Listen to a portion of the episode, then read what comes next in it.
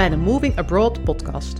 Een podcast waarin ik, Maaike den Beste, verhalen deel van mijzelf, maar vooral ook heel veel anderen over wonen en werken in het buitenland. Want na zes jaar Australië weet ik als geen ander hoe ongelooflijk gaaf dat is. En ook wat er allemaal niet bij komt kijken. Een podcast bomvol inspiratie en informatie dus, om jou te helpen je eigen buitenlanddroom na te jagen. Of gewoon alleen maar lekker weg te dromen natuurlijk. Wist je trouwens dat er ook een Moving Abroad community is? Daar deel ik nog meer tips over verhuizen naar het buitenland, maar vind je ook andere dromers die de stap overwegen. En er zijn regelmatig live QA's met gasten uit de podcast. Kom er gezellig bij. Je vindt de link in de show notes. Nog één ding voor we beginnen met de show van vandaag. Ik vind het superleuk om te horen wat je van de podcast vindt. Dus heb je genoten van een aflevering of heb je nog vragen? Stuur me even een berichtje of deel hem op social media. Dankjewel! Dan nu de aflevering van vandaag. Veel plezier en goede reis. Hallo, welkom en wat leuk dat je luistert. Deze keer praat ik met Loes van Driel. Loes woont in Heidenheim, een plaatsje in het zuiden van Duitsland. Afgelopen december, dus midden in de lockdown, verhuisde ze daarheen met haar Duitse vriend. Ze werkt als freelance schrijfster en als ik de plaatje op haar Instagram-account mag geloven, is het er echt prachtig. Loes, welkom in de podcast. Dankjewel. Wat leuk dat je er bent. Ja, ik vind het ook heel leuk.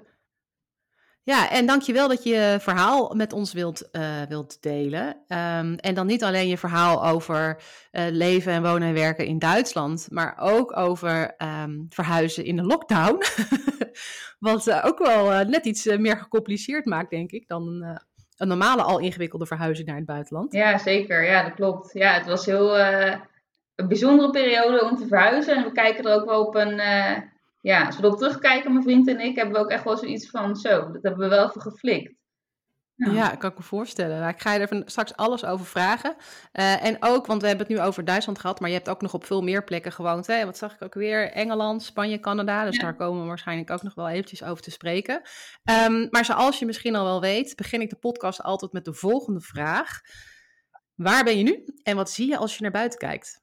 Nou, ik ben nu thuis in, uh, in Heidenheim inderdaad, in het zuiden van Duitsland. Uh, is een ja, plaatsje uh, ten noorden van, van de stad Ulm. Dat zegt de meeste mensen waarschijnlijk iets meer.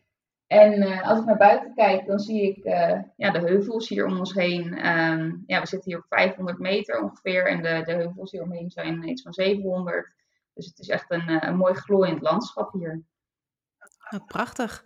Um, en is het een heel groen, groen gebied ook? Ja, ja, klopt. Ja, het zijn allemaal inderdaad uh, bossen en uh, velden. En uh, inderdaad, als je de stad uitrijdt, binnen 10 minuten sta je gewoon in de middle of nowhere eigenlijk. Prachtig. En Heidenheim, is dat een, een, een echt een, een, dorp of wel ook een beetje een stad? Het is wel een stad. Er wonen hier iets van uh, 50.000 mensen of zo. Dus het is, het is ook gewoon echt een winkelcentrum en er is een museum. En je hebt eigenlijk alles wat je nodig hebt, maar um, wel een beetje midden in de natuur. Dus je bent ook zo, inderdaad wat ik net zei, al zo buiten waar je lekker kunt wandelen. Um, je hebt aan de andere kant ook wat grotere steden hier in de buurt. Dus je hebt eigenlijk een beetje van alles. Ja, en, uh, iets, en niet alleen maar drie koeien en een, een half paard. Nee, precies. Uh, gewoon wel echt een, een, een, een stadgevoel. Ja. Hey, en jullie gingen dus in december de verhuiswagen in richting Heidenheim. Maar hoe zag het leven eruit voor die tijd? Um, daarvoor woonde ik samen met mijn vriend in Delft. Um, ik ben in 2018 naar Delft verhuisd. Daarvoor studeerde ik in Rotterdam. Um, en ik had een vriend leren kennen die in, uh, hij was in Delft aan het promoveren aan de universiteit. Uh, dus uiteindelijk toen we gingen samenwonen ben ik bij hem in Delft ingetrokken. En daar hebben we toen nog uh, ja, ruim 2,5 jaar samen gewoond. En ja, toen hij klaar was, werd het tijd voor hem om een, een nieuwe baan te zoeken. En nou ja, hij heeft zijn verdediging gedaan en de volgende dag zijn we naar Duitsland gereden eigenlijk. Oh, wauw. Dus hij, hij heeft nu een, eh, een baan in, uh, in Duitsland uh, gevonden. Ja, klopt. Ja, ja, dat is eigenlijk de, de grootste reden dat we hierheen zijn verhuisd. Is dat hij hier een baan heeft. Maar ik was wel een beetje degene die al ja, twee, drie jaar riep van nou, zodra jij klaar bent. Want zo'n promotietraject duurt natuurlijk vier jaar. Dus dat, dat stond gewoon vast van nou, hij is eind 2020 is hij klaar.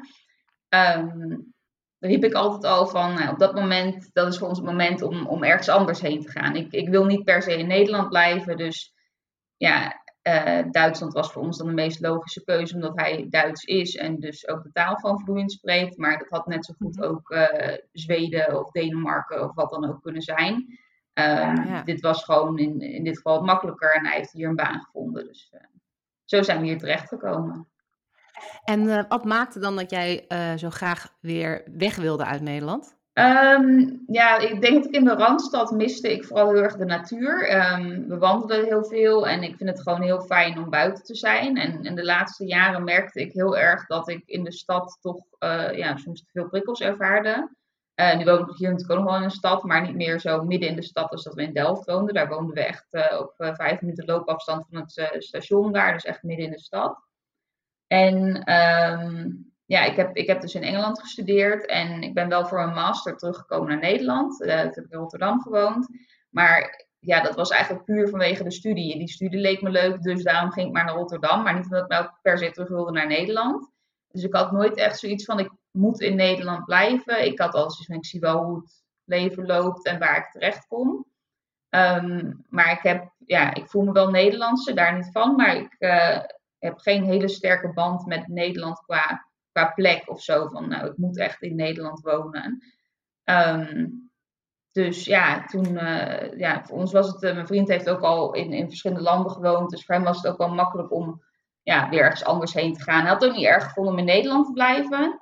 Maar op een gegeven moment werd hij... natuurlijk ook buitenland. Nee, precies. Maar op een gegeven moment werd hij door mijn enthousiasme ook wel enthousiast om, om ergens anders heen te gaan. En uh, hij was hier ook nog nooit geweest. Het was voor ons een totaal onbekende regio. Dus ja.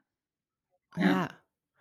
En um, uh, je zegt, ja, ik ben Nederlands, maar ik, ik heb niet super uh, sterke band met, met, met Nederland. In de zin, ik hoef er niet per se echt te wonen, wonen. Maar als ik jouw verhaal zo hoor, dan, um, dan maakt het je eigenlijk ook niet zo heel veel uit waar je dan wel woont. Of, is het, of ben je ook niet per se op zoek naar één plek voor altijd? Klopt dat? Ja, klopt. Ja, ik heb tenminste, ja, ik weet natuurlijk niet, misschien zit ik hier over tien jaar nog steeds. Dat zou natuurlijk zomaar kunnen. Maar ik, ik probeer mezelf daar niet zo vast te pinnen. En ik weet gewoon, ja, ik, ik ben de laatste tien jaar, ik zat er laatst over na te denken, ik heb het geteld. Volgens mij heb ik de laatste tien jaar op acht verschillende plekken gewoond of zo. En dan wel bijvoorbeeld in Londen in drie verschillende huizen. Maar ik ben wel dus gewend om, om elke keer te verhuizen en niet echt een, een vaste thuisbasis te hebben, zeg maar, voor, voor echt langere tijd. Dus ik merk ook wel dat ik elke keer na een aantal jaar denk van, nou, ik wil wel weer iets anders. En ik denk dat dat deels ook wel komt door ja, mijn eigen achtergrond en ook die van mijn vriend. Um, want ik ben ook niet alleen maar in Nederland opgegroeid. Ik heb uh, ook in Duitsland gewoond met mijn ouders. Mijn ouders wonen nu ook weer ergens anders in Duitsland. Dus het is ook niet zo dat ik ja, in de buurt van mijn familie kan gaan wonen. Want op het moment dat ik dat doe, zal je zien dat mijn ouders weer gaan verhuizen. Um, en de ouders van mijn vriend die wonen in Amerika. Dus ja, daarvoor hoeven we ook niet op een bepaalde plek te wonen. Dus we hebben niet echt, ja. in ieder geval geen familie die ons aan een plek bindt. En ja, ik vind het gewoon heel leuk om, om steeds andere plekken te ontdekken. En in andere fases van je leven ook op andere plekken te wonen. Want ik zou nu echt niet meer in Londen kunnen wonen, maar ik heb het daar wel heel leuk gehad. Dus ja, ja gewoon een beetje ontdekken wat je op dat moment leuk vindt. Heb je wat meer behoefte aan wat meer leven en veel leuke dingen doen. Of wat meer uh, ja, buiten zijn, meer rust. Ja, dus ik zie gewoon elke keer weer van ja, waar we terechtkomen. En ja, geen idee waar we over vijf of tien jaar zijn. Ja, ja nou, we moeten het afwachten. Hoe oud was jij toen je voor het eerst met je ouders naar het buitenland ging? Het was ik zeven. En waar gingen jullie toen heen? Toen gingen we naar Hamburg. Uh, toen, uh, daar hebben we uiteindelijk zes en een half jaar gewoond. Dus dat was ja, echt onze eerste buitenlandervaring. Dat was voor mijn ouders toen ook helemaal nieuw. Die hebben verder als kind, die zijn gewoon in Nederland opgegroeid. En ja, die stonden daar wel voor open om naar het buitenland te gaan. En, ja, dus... en was het dan ook via jouw vaders werk dat die kans zich voordeed? Ja, ja. En hoe was dat voor jou als kind? Want jij was zeven, je had denk ik, je zat al op school, je had al vriendjes en vriendinnetjes en ineens moest je naar Hamburg. Leuke stad, maar hoe is dat voor een kind? Ja, ik kan me dat eigenlijk niet zo heel goed herinneren, dus het is denk ik niet heel zwaar geweest of zo. Ik denk dat ik het wel leuk vond. Um, ik ging daar ook naar de internationale school, dus het was daar heel normaal dat er na de zomervakantie, volgens mij waren er in mijn klas toen al vijf of zes nieuwe kinderen dat jaar. Dus er waren allemaal nieuwe kinderen die ook geen Engels spraken. Want ik sprak, nou ja, ik het woord please en thank you. En verder kwam het niet met mijn Engels. Um, maar ik was daar niet de enige in. Dus het was, ja, dat maakte het ook minder eng, denk ik. Ja, ik, ik, was natuurlijk zeven, dus dan, dan heb je inderdaad wel uh, ja, vriendjes en vriendinnetjes en zo op school. Maar ja, dat is natuurlijk ook een hele andere band dan dat band die je hebt met mensen als je ouder bent. Dus ik heb wel dat eerste jaar, de eerste twee jaar, uh, gewoon contact gehouden met een vriendinnetje in Nederland. Die zijn ook zelf nog bij ons op bezoek geweest. Maar daarna doet dat ook een beetje dood natuurlijk, omdat je gewoon, ja, je bent zo klein en de situatie is voor haar waarschijnlijk ook niet te begrijpen van, ja, dat je zo ver weg bent. Dus dan is contact houden ook heel moeilijk. Maar verder, ja, ik kan me niet echt herinneren dat ik het nou echt moeilijk vond of zo. Volgens mij vond ik het alleen maar leuk. Ja, nou, mooi toch? Ik bedoel, uh, dat, uh, en blijkbaar zat het een beetje uh, toch in je bloed, want na de eerste keer zijn er nog vele keren gevolgd en, ja, en nu ben je, ook, ben je ook weer in het buitenland. Precies, ja, ik denk dat het wel inderdaad een impact heeft gehad van, nou ja, wat ik zei, ik heb daar op internationale school gezeten, dus heel veel ja, met, met mensen uit allerlei verschillende landen omgegaan. Um, daar uh, ja, al mijn onderwijs in het Engels gedaan, waardoor ik ook uiteindelijk in Engeland terecht ben gekomen voor mijn studie. En daardoor ook gewoon, um, ja, stond ik wat meer open voor, voor internationale ervaringen. En voor ook, ja, wilde ik graag dingen doen in het Engels. En nu is het meeste van mijn werk dan wel in het Nederlands. Dus dat is ook weer een beetje zo, ja, wat ik al zei, het, het loopt zoals het loopt. En ik laat, altijd, ja, ik laat mezelf altijd een beetje verrassen door, door hoe het gaat. En uh, ja, ik zie wel wat er op mijn pad komt. Maar ik denk dat het wel ja, zo openstaan, dat, dat komt wel, denk ik, door, door mijn buitenlandervaringen. Dat, dat maakt het wel makkelijker om ja, open te staan voor nieuwe dingen en je aan te passen aan nieuwe situaties ook. Ja, ja zeker. Um, en wat, uh, want jouw, uh, jouw vriend is, uh, werkt, is denk ik werkt weer bij de universiteit of heeft in ieder geval werk gevonden naar zijn studie of promotie was het geloof ik? Ja, hij heeft in Nederland inderdaad zijn PhD behaald en hij werkt nu hier bij, bij Zeiss. Dus hij werkt wel in een gewone baan, zeg maar. Dus, maar wel inderdaad een baan waarvoor hij echt zijn PhD ook nodig had. Dus hij werkt ja. gewoon bij een groot Duits bedrijf nu. En jij? Uh, ik ben freelance tekstschrijver. Dus ik, uh, ik was in Nederland, uh, werkte ik bij een communicatiebureau als content manager. En ja, ik wist van nou, als we gaan verhuizen, dan, dan wil ik graag freelancer worden.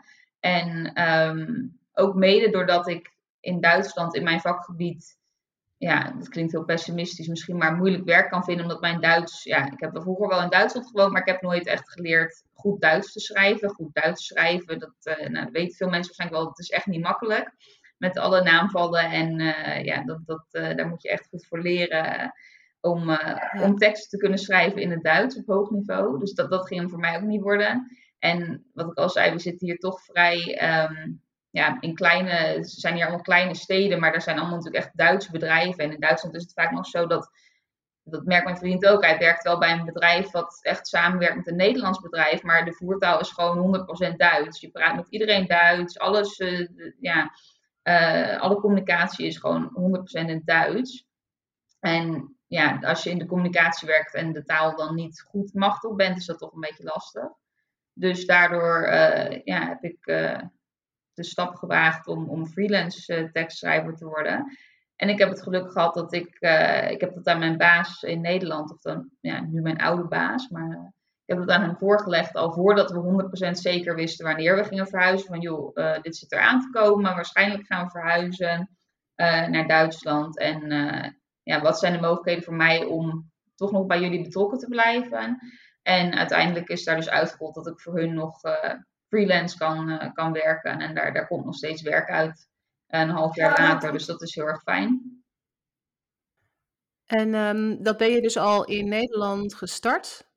Nee, ik ben, uh, ik, ik had, uh, wat was het, 17 december of zo, mijn laatste werkdag digitaal. En, en de kerstborrel via, via Zoom en uh, toen uh, zijn we de volgende dag dus naar Duitsland gereden. En ik ben toen na de kerstvakantie, uh, heb ik hier alles opgestart eigenlijk. En ben ik, kon ik eigenlijk gelijk inderdaad weer aan het werk de eerste dag na de vakantie.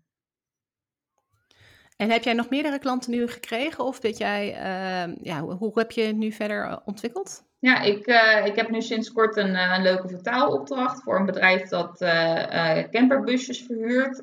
dan vertaal ik tekst van het Duits naar het Nederlands, want ja, ik kan wel Duits lezen en het vertalen naar het Nederlands, dat gaat prima. Dus dat is heel leuk. En ja, af en toe een paar losse opdrachten. Maar ja, ik ben eigenlijk pas net begonnen. En ik merk echt dat ik nu pas een beetje de rust vind om daar echt ja, genoeg aandacht aan te kunnen geven. Dat het ook wat meer gaat groeien. En, maar af en toe komen er leuke klanten voorbij. En ik hoop ook wat meer ehm, ja, Duitse klanten te werven die op zoek zijn naar iemand die Nederlandse of Engelse teksten kan schrijven of uh, vanuit het Duits kan vertalen. Want het lijkt me ook wel heel leuk om, om voor ja, wat meer lokale bedrijven te gaan werken die zo iemand nodig hebben. En heb jij dan ook als freelancer ben je natuurlijk ook gewoon heel veel vrijheid. En, je, en zeker als je ook, zoals jij, voor de Nederlandse markt werkt of voor de Duitse markt met een oog op Nederland, op de Nederlandse markt, uh, dan kan je dat in principe overal doen. Ook als jouw vriend weer een baan in, toch in Zweden zou krijgen, weet ik wat. Is dat ook de reden waarom jij dit nu bent opgestart? Ja, deels wel. Ik vind het inderdaad wel een fijn idee dat ik dit vanaf ja, welke locatie dan ook kan doen. En dat ik ook hiermee gewoon mijn, ja, in mijn vakgebied bezig blijf. En daardoor ook eventueel ergens anders weer een uh, wel een baan in loondienst zou kunnen vinden. Omdat ik gewoon ja, mijn ervaring uh, blijf opdoen en ja, veel blijf schrijven en voor allerlei verschillende opdrachtgevers werk. Um, dus ik denk dat het altijd wel een mooi is op mijn cv om, om ergens anders weer verder te kunnen. Ja, en moest jij daar veel voor regelen? Want of werk jij gewoon, ben je nu bij de Nederlandse KVK ingeschreven? Of moet je ook nog speciaal iets regelen voor uh, het werken in Duitsland? Nee, ja, ik, uh, in Nederland uh, kun je natuurlijk alleen bij de KVK ingeschreven staan als je echt in Nederland ook ingeschreven staat. En ik ben nu gewoon in Duitsland ingeschreven, dus ik moest me inderdaad bij. Um, ja, in, Duitsland is het een beetje ingewikkeld met het freelancer systeem. Um, want je hebt aan de ene kant heb je de vrijberoefler en je hebt aan de andere kant ook de gewerbe, dat is echt een klein bedrijf. En bepaalde beroepen vallen onder vrijberoeper. Nou, er zijn een paar die heel duidelijk zijn, zoals uh, belastingadviseurs, geloof ik, en verloskundigen en zo, die vallen daar allemaal onder. Maar ook um, ja, kunstenaars en zo. En dan is de vraag altijd een beetje, zijn tekstschrijvers kunstenaars? En als je daaronder valt, dan hoef je minder, um, dan ben je, uh, hoef je bepaalde belastingen niet te betalen. En um, ja, je hele boekhouding is, is wat simpeler. Um, dus in principe sta ik nu gewoon, uh, zijn meeste tekstschrijvers kunnen gewoon als vrijbehoever door. En sta ik nu gewoon ingeschreven als vrijbehoever. En dat was letterlijk een kwestie van, dat heb ik dan wel via een belastingadviseur gedaan. Maar dat was een kwestie van een formulier invullen en daarop zetten van, nou dit en dat ga ik doen. Uh, zoveel verwacht ik te verdienen. En dat stuur je dan naar uh, de Belastingdienst hier. En die stuur je dan binnen zoveel weken een belastingnummer terug. En dat is het eigenlijk. En ik heb toen een, een belastingadviseur uh, in de arm genomen om uh, verder alle belastingzaken voor mij te regelen. Want ja, uh, ik ken het Duitse belastingssysteem niet zo goed. En het is toch iets ingewikkelder dan het Nederlandse systeem. Dus ik denk, nou, dan doet iemand het gewoon in één keer goed. Hoef ik dat niet te doen. Um, maar dat was aan het begin wel een beetje stressvol, omdat ik dus al voor mijn oude baas gelijk aan het werk was. En ik wilde graag mijn facturen schrijven. Maar uiteindelijk had ik pas eind maart of zo alle belastingnummers die ik nodig had. Want je hebt dan ook weer een ander belastingnummer nodig om zaken te doen met andere EU-landen. En dat duurde dan weer langer voordat ik dat had. Dus aan het begin was dat een beetje stressvol. Uiteindelijk was het allemaal niet heel ingewikkeld. Maar dit soort dingen, ja, Duitsland is nog bureaucratischer dan Nederland. Dus dit soort dingen kosten gewoon best wel veel tijd. En ja, wat ik zei, die overgang was voor mij natuurlijk eigenlijk heel snel. Ik ging van baan- en loondienst naar een maand later freelancen en doorpakken in een nieuw land en alles uitzoeken. En, um, dus ja, het was niet heel ingewikkeld, het is nu allemaal geregeld. Maar uh, ja, als ik bijvoorbeeld iets heel anders daarnaast wil gaan doen, ook als freelancer, dan kan het dus zomaar zijn dat ik alsnog ook een bedrijf moet inschrijven en daar een aparte boekhouding voor moet hebben. Oké, ja, het is echt zo'n oerwoud van uh, bureaucratie. Ja, en het is allemaal een beetje gebaseerd op uh, hoe banen vroeger waren en alle nieuwe banen die er bestaan uh, vanwege, door het internet. Hè, YouTubers en, en bloggers en zo. Ja, daar wordt allemaal niet zoveel rekening mee gehouden. Dus dat is echt, het kan ook per geval verschillen of de Belastingdienst dan vindt dat je echt een bedrijf bent of niet. Hey, en jullie zijn dus in, in december verhuisd, midden in de, in de lockdown. Hoe was dat? Ja, dat was eigenlijk heel gek. En het is eigenlijk zo dat we nu pas uit die lockdown komen. Want ik ben toen verhuisd met het idee van, joh, toen was het volgens mij nog, hadden ze het in Duitsland over van half januari of zo gaan de restaurants weer open, zeiden ze toen. Dus ik hield me daar ook een beetje aan vast van, joh, eigenlijk, ja, we zijn ook een beetje op een rare manier verhuisd. Omdat wij, door, door, mede door de lockdown ook, hadden wij nog helemaal geen huis hier. En wisten we nog helemaal niet precies waar we gingen wonen. Um, wij waren hier überhaupt nog nooit geweest. Dus uh, ja, want de sollicitatiegesprekken van, van mijn vriend die zijn allemaal via Skype gegaan. En uh, nou, een paar weken later hoorde hij van, nou, je hebt de baan. En kun je alsjeblieft 1 januari beginnen? Nou, toen was het dus begin november of zo toen hij dat hoorde. En uh, dus sowieso was het natuurlijk ja, heel kort dag geweest om een woning te zoeken. Uh, dus toen zijn we ook, uh, hebben een tijdelijk appartement gevonden en uh, waar we wel meteen eind december in konden. En toen zijn we eigenlijk vanuit Delft zijn we eerst naar mijn ouders gereden, die dus ook in Duitsland wonen. Want toen was het ook nog een beetje de vraag van, moeten we wel of niet in quarantaine als we Duitsland binnenkomen? En uiteindelijk was het zo dat in, het, in de deelstaat waar mijn ouders wonen, want in Duitsland gaan alle regels per deelstaat. In het deelstaat waar mijn ouders wonen hoefde je toen niet in quarantaine in december. Dus uiteindelijk uh, hebben we daar tien dagen gezeten, maar konden we gelukkig wel naar buiten. En hoefden we verder ook niet te testen of zo. Toen hebben we daar kerst gevierd. En toen zijn we um, na kerst zijn we zelf uh, verder gereden naar, naar dat tijdelijk appartement. Uh, met een hele hoop spullen. De verhuizers waren, onze spullen zijn naar, naar een opslag gegaan. De spullen die we echt met de verhuizers mee hebben laten gaan. Maar we hadden zelf ook een deel spullen mee. Want ja, we wisten niet wanneer we echt zouden verhuizen. En dus de verhuiswagen naar ons uiteindelijke huis zou komen. Dus ja, heel veel kleding mee en, en uh, allerlei dingen, ja, een beetje persoonlijke dingetjes hadden we gewoon allemaal zelf bij ons. En toen zijn we dus uh, eind december in dat tijdelijk appartement komen wonen. En toen hebben we het geluk gehad dat we, um, volgens mij zelfs op 31 december, hebben we een bezichtiging gehad van het appartement waar we nu wonen. En toen paar dagen later, toen werden we gebeld dat we dat uh, konden krijgen. Maar ja, dan, dan moet je nog weer uh, wachten, omdat dan de persoon die er woont heeft natuurlijk ook opzegtermijn. Dus uiteindelijk konden we uh, eh, 1 maart hier, hierin. dus we hebben ruim twee maanden hebben we in dat tijdelijk appartement gewoond. maar we wisten gelukkig wel heel snel waar we, waar we uiteindelijk terecht zouden komen. Dus dat was wel heel fijn. Dan konden we in ieder geval we dat niet meer te regelen. Want dat was natuurlijk het eerste punt van, van stress. Van ja, waar gaan we wonen? Kunnen we wel iets vinden? Hoe snel? Um, en is dat normaal, is dat moeilijk in Duitsland überhaupt, een, een plek vinden om te wonen? Um, ja, uh, ja, het verschilt natuurlijk een beetje per stad en per, per deel van Duitsland. Het is dus wel zo dat uh, de opzegtermijn is uh, meestal drie maanden voor huurwoningen. Dus het kan dus zomaar zijn dat je een huis vindt dat je echt pas over drie maanden erin kan. En in Nederland kan dat vaak toch veel sneller. Terwijl wij in Delft zijn verhuisd, toen konden we binnen twee weken erin. Um, ja, dat is hier toch minder vaak het geval. We hadden nu het geluk dat de, de vorige huurder wilde er graag eerder uit. En wij wilden er graag ook al eerder in. Dus ja, helemaal prima. Um, maar dat kan dus soms ja, best wel lang duren als je naar Duitsland komt en je moet nog een huis zoeken. Dan kan het zo zijn dat je drie maanden moet wachten. En uh, soms heb je die tijd ook echt wel nodig, want in Duitsland zit in een huurwoning vaak geen keuken. Wij hadden het geluk dat de uh, vorige huurder zei: Willen jullie mijn keuken kopen? Uh, dus die hebben we van haar overgenomen. Maar de keuken wordt door de huurder erin gezet. Dus het kan ook zijn dat de vorige huurder tegen jou zegt: van ik neem mijn keuken mee. En ja, dan moet je dus zelf wel een keuken gaan kopen. Nou, zie maar eens een keuken te kopen in acht weken of zo. Dat gaat je ook niet lukken. Wat bizar dat je dat zelf mee moet nemen als huurder. Ja. Nee, het is nou, eigenlijk net als in Nederland. Nederlandse blik, maar... In Nederland moet je natuurlijk vaak nog de vloer erin leggen zelf. Uh, dat is hier dan weer niet. De vloer zit hier eigenlijk altijd erin. Um, maar hier is het heel normaal dat de keuken er niet in zit. Zijn Duitsers dan heel erg dol op hun keukens? Dat ze daar echt helemaal zelf. Uh... Dat weet ik niet. Ja, ik vind het ook heel gek. Want je zou ook zeggen van een keuken past ook niet overal. Die is natuurlijk een soort van op maat gemaakt voor een huis. En hè, een eiland bijvoorbeeld wat je laat maken, past in je volgende huis misschien helemaal niet. Hier is de keuken in een U-vorm. Ja, dat, dat past hier gewoon precies mooi onder dakkapel. Um, dus ik, ja, ik snap niet waarom je de keuken mee zou willen nemen. Maar Loes, kunnen we jou op onderzoek uitsturen sturen om, uh, om, dit, om dit vraagstuk uh, voor ons op te lossen? Het is wel een hele uh, ik, ik denk dat ik dit namens mijzelf en alle luisteraars vraag.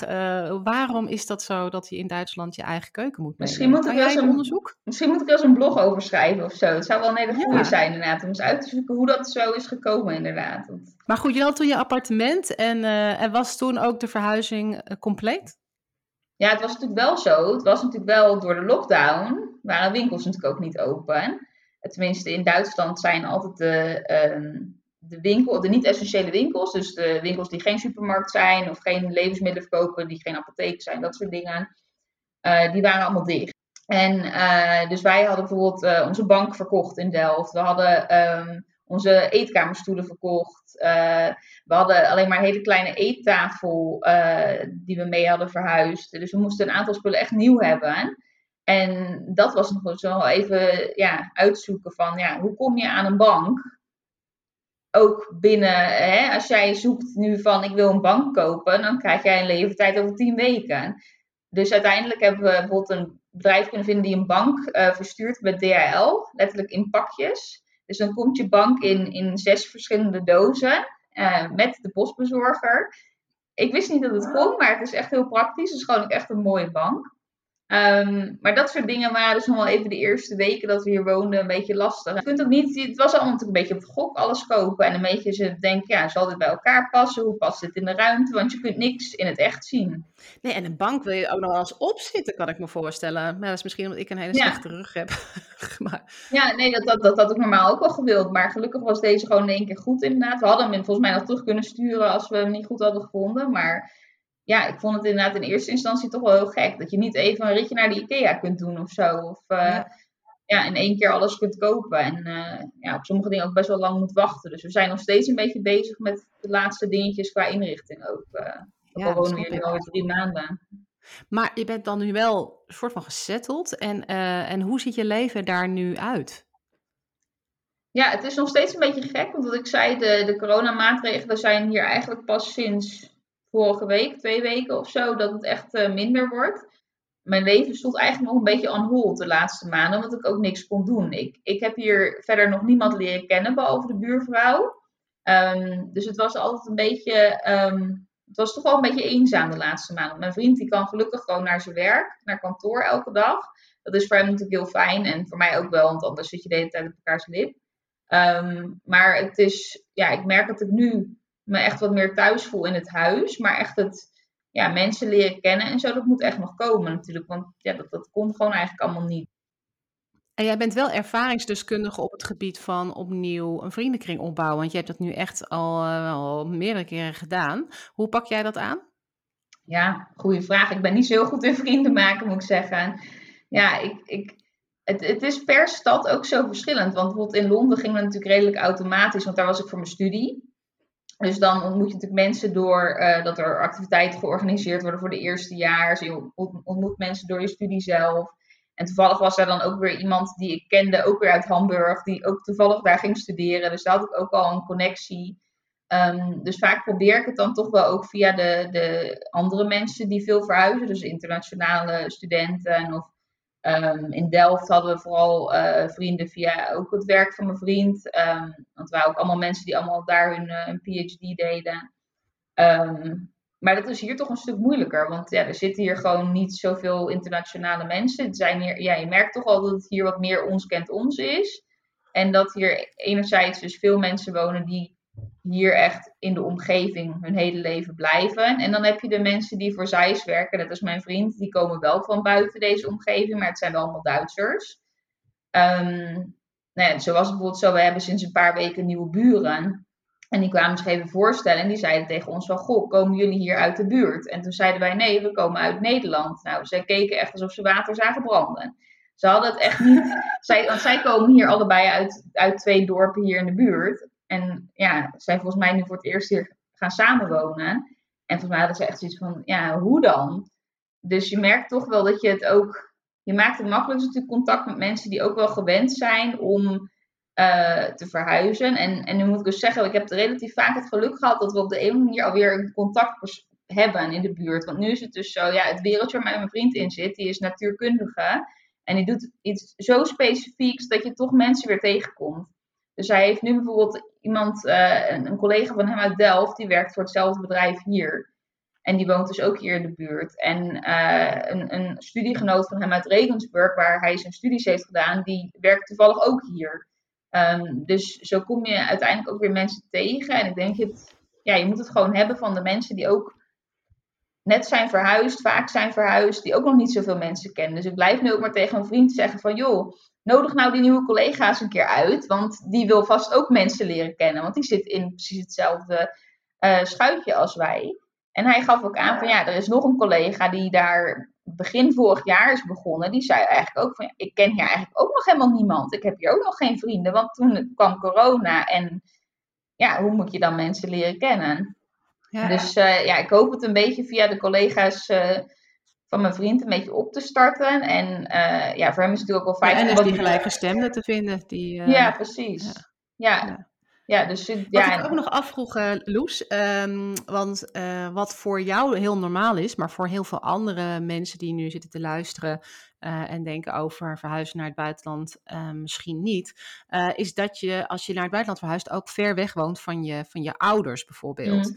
En um, nou is het bij jou anders, want jouw ouders wonen toevallig in Duitsland. Nou is mm. Duitsland groot, dus de kans dat ze precies de straat naast jou wonen zal, is denk ik niet zo. Dus ze zullen ook niet, ik weet niet precies waar ze wonen, maar ook niet nee, ouders, denk ik. Mijn ouders wonen nu zelfs iets verder weg dan toen we in Delft woonden, want zij wonen in Bonn. Dus zij wonen relatief dicht bij Nederland.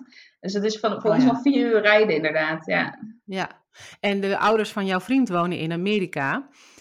Um, dus um, ik, uh, en voor veel mensen is dat ook wel een, uh, een, een, punt van twijfel.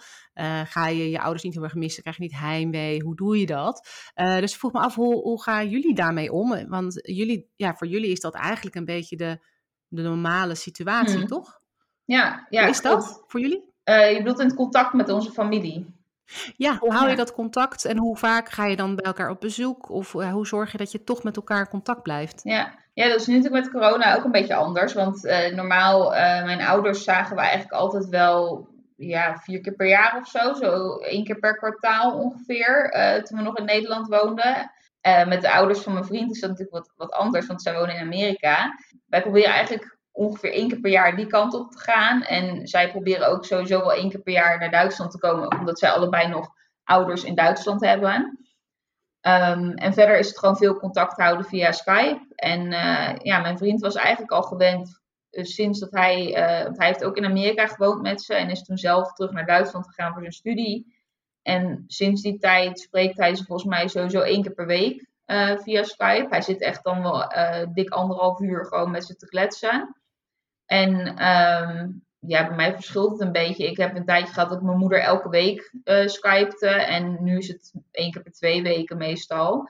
En verder ook gewoon, uh, als er een keer iets is, dan, dan via Messenger, via Facebook, uh, WhatsApp, berichtjes sturen.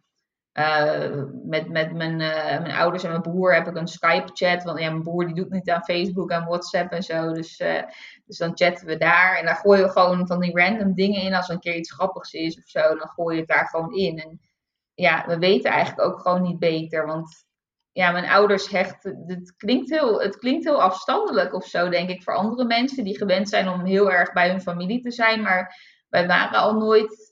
We zijn wel een hecht gezin hoor, daar niet van. Maar we waren nooit echt heel erg uh, gesteld op bij in de buurt van de familie zijn. Um, ja, mijn moeder komt ook uit een, een, gezin met drie kinderen. En mijn oom die woont in Engeland al jaren. Dus ja, dat was dan ook niet zo gek dat zij ook wegging.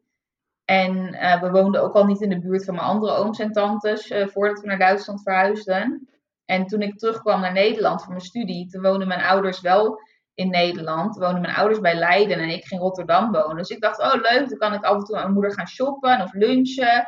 Hey, super gezellig, een keer avondeten bij ze. Nou, twee maanden later zeiden ze van, uh, nou doei, wij gaan naar Duitsland. Um, was helemaal logisch hoor. Mijn vader die werkte alweer een paar jaar in Duitsland en pendelde op en neer uh, elke week. Dus dat was een hele logische keuze. Maar ja, we weten gewoon eigenlijk niet beter. Dat klinkt, ja, ik kan me inderdaad voorstellen dat voor andere mensen niet voor te stellen is. Maar voor ons is het zo dat met met Skype en zo. En met gewoon alle manieren waarop je tegenwoordig contact met elkaar kunt hebben. Als maar je maakt dus wel echt ook een bewuste uh, effort, even op zijn Engels. Um, die, neemt wel bewust de moeite om contact te houden met elkaar. En ook als gezin.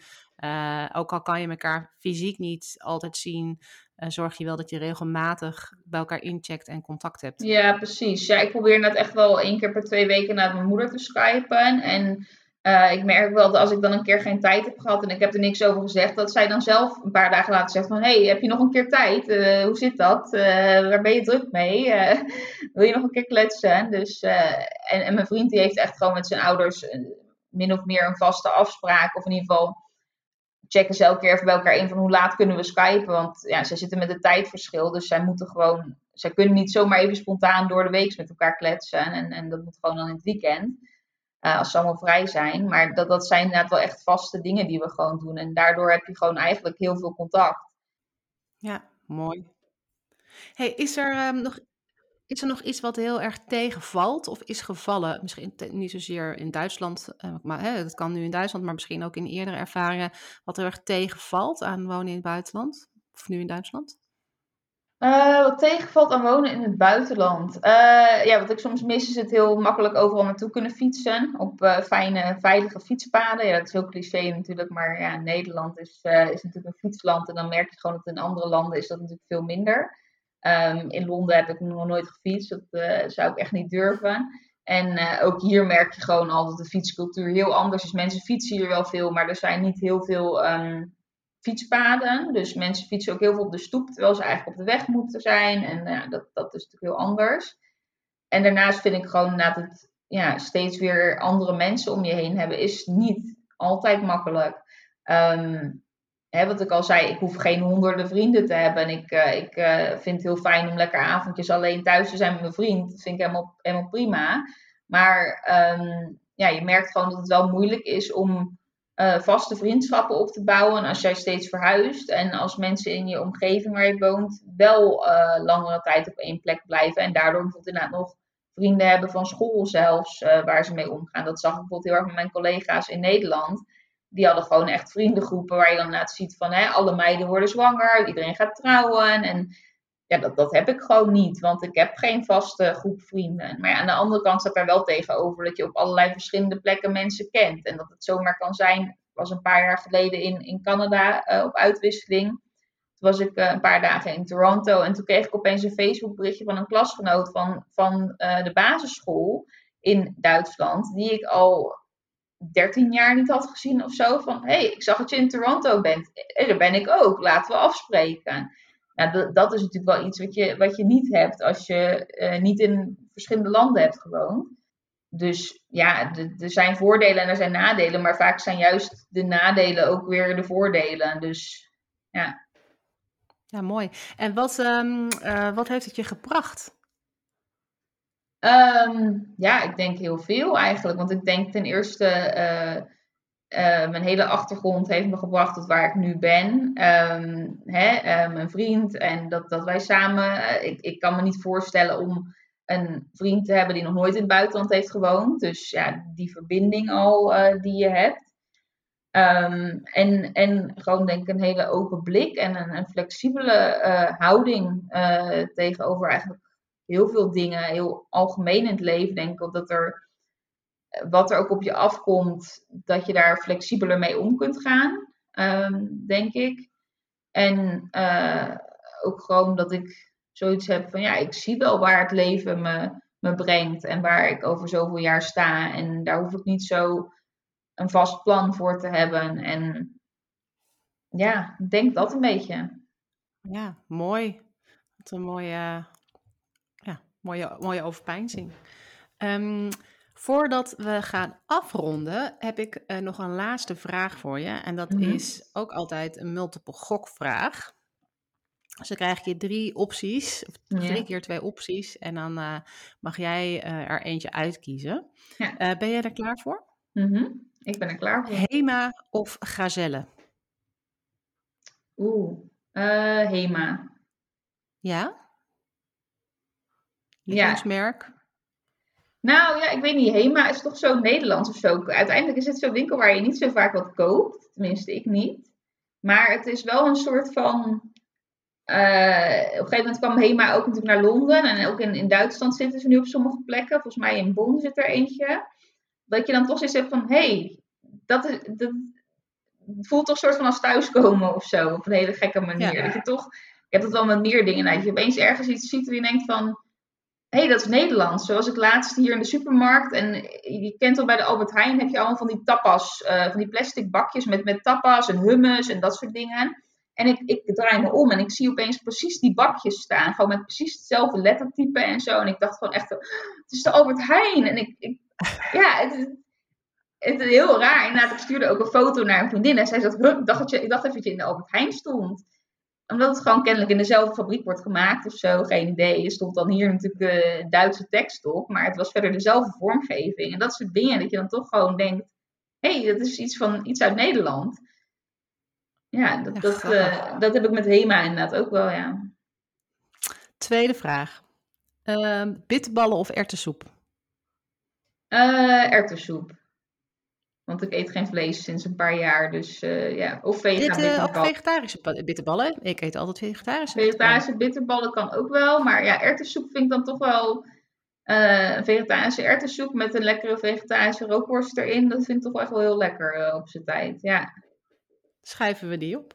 En de laatste, duinen of polders? Oeh. Um, ja, duinen of polders? Oh, dat is een goede vraag. Ik vind ze allebei wel mooi. Um, en allebei heb je hier niet echt. Of tenminste, hè, ik zit hier best wel ver van de zee. Dus duinen ga je hier niet vinden. En, en polders heb je hier in het zuiden van Duitsland ook niet. Um, ik, de, ja, denk, ja, ik vind het echt een moeilijke keuze. Want ik vond de polders. Eh, ja, ik heb het wel eens met mijn vriend over. Van, op zich had het landschap bij Delft, waar natuurlijk veel polders zijn, had, had ook wel iets. Um, hè, dat, dat, dat, echt dat Nederlandse landschap. Dus ik denk dat ik dan toch voor polders ga. Dan kun je heel lekker fietsen. Ehm, soms heel erg tegen de wind in. Maar uh, molens op de achtergrond en zo. Ja. Dan schrijven we de duinen op. Uh, de polders op, sorry. Ik heb uh, voor jou nog een, een bonus multiple gokvraag, ja. Dat doe ik normaal nooit, maar ik, wil, ik heb, hij is speciaal voor jou. Oh, ik ben benieuwd. Hij is wel iets anders, want ik krijg nu vier opties. Oh. Uh, nee, wacht, vijf opties zelfs. En dan mag jij er eentje uitkiezen. Alle landen zeker. Ja, precies. Nederland, Engeland, Spanje, Canada of Duitsland? Oh, dat vind ik heel moeilijk, want zoals ik straks volgens mij ook al zei, um, heeft eigenlijk elk, elke plek iets en past het bij bepaalde fases van je leven. Maar ik denk dat ik toch Canada ga zeggen. Want Canada was voor mij echt een, een, een droom uh, om daar naartoe te gaan. Ik ben daar op uitwisseling geweest tijdens mijn master. En al voordat ik me ging aanmelden voor die master, zag ik van dat je op uitwisseling kon naar Calgary. En het was gewoon vanaf het moment dat ik foto's had gezien van, van Banff, National Park daar en zo, dat ik dacht van daar moet ik een keer heen. En het, het, was gewoon, het is daar zo fantastisch mooi. En als ik ooit de kans zou krijgen om daar nog een keer te wonen, misschien niet eens per se in Calgary, want Calgary qua stad is niet heel erg boeiend, maar gewoon daar bij de natuur in de buurt, dan, dan zou ik die kans echt wel grijpen. Dus ja, ik zou zeggen Canada. Mooi is ook nog wel een lijstje die bij mij, een land op mijn lijstje staat. Hey Loes, hartstikke bedankt voor het delen van, jou, uh, van jouw verhaal. Um, als mensen, ik weet dat jij op Instagram actief bent, want je deelt daar de mooiste uh, plaatjes over het gebied waar je in woont. Um, en als mensen jou willen volgen en, uh, en ook je avonturen willen volgen, kan dat dan het beste op Instagram? Of, of, of waar ben ja, je allemaal te ja, vinden? Ja, ik zit sowieso op Instagram inderdaad. Op mijn ja, persoonlijke account is loes.vandriel, want Loes van Driel aan elkaar, dat was niet meer beschikbaar helaas. Um, en ik uh, ben gestart met Duitsland buitenland. En daar wil ik ook een, een, website van maken. Maar dat is voor nu nog alleen maar een, een Instagram-account, inderdaad. En uh, verder heb ik ook gewoon mijn persoonlijke website. Dat is uh, dus ik ben op heel veel verschillende plekken te vinden eigenlijk. maar Instagram vind ik zelf het leukst om inderdaad foto's te delen. En daar deel ik ook als ik een blog heb geschreven of zo. Want je schrijft blogs ook over uh, avonturen in Duitsland of dingen die je in Duitsland kunt, uh, of in ieder geval in de regio waar jij nu ja, woont, kunt ja, doen. Ja, dat ga ik uh, op Duitsland buitenland doen. Die website bestaat dus nog niet, maar die is in de making. Dus daar wil ik inderdaad dingen gaan delen over vooral dingen die je buiten kunt doen. Dus wandelen, fietsen, leuke accommodaties, dat soort dingen. Mooi, dus voor mensen die nog op zoek zijn naar een vakantiebestemming, die moeten jou ook even ja, in de gaten precies. houden. Hey, hartstikke bedankt uh, nogmaals. En uh, ik vond het ontzettend leuk om, uh, om met je te kletsen en je verhaal te horen. En ik wens je heel veel succes met ja, het verder settelen daar en het vinden van weer een nieuwe vriendenkring. en, um, ja, en ook je mooie nieuwe plannen met het opzetten van je website. Um, ja, dus jij bedankt. Ja, ik vond het heel leuk om, om te kletsen inderdaad en om te gast te mogen zijn in je podcast. Dankjewel voor het luisteren naar deze aflevering van de Moving Abroad podcast. Ik hoop dat je ervan hebt genoten. Ik vind het superleuk om te horen wat je ervan vond. Laat je het me weten? Stuur me even een berichtje of deel de aflevering op social media. Of wil je meer buitenlandverhalen? Abonneer je dan op deze podcast in Spotify, Apple Podcasts of waar je dan ook naar podcast luistert. Of sluit je aan bij de Moving Abroad community natuurlijk. De link staat in de show notes. Dank je wel alvast en ik zie je heel graag in de volgende aflevering.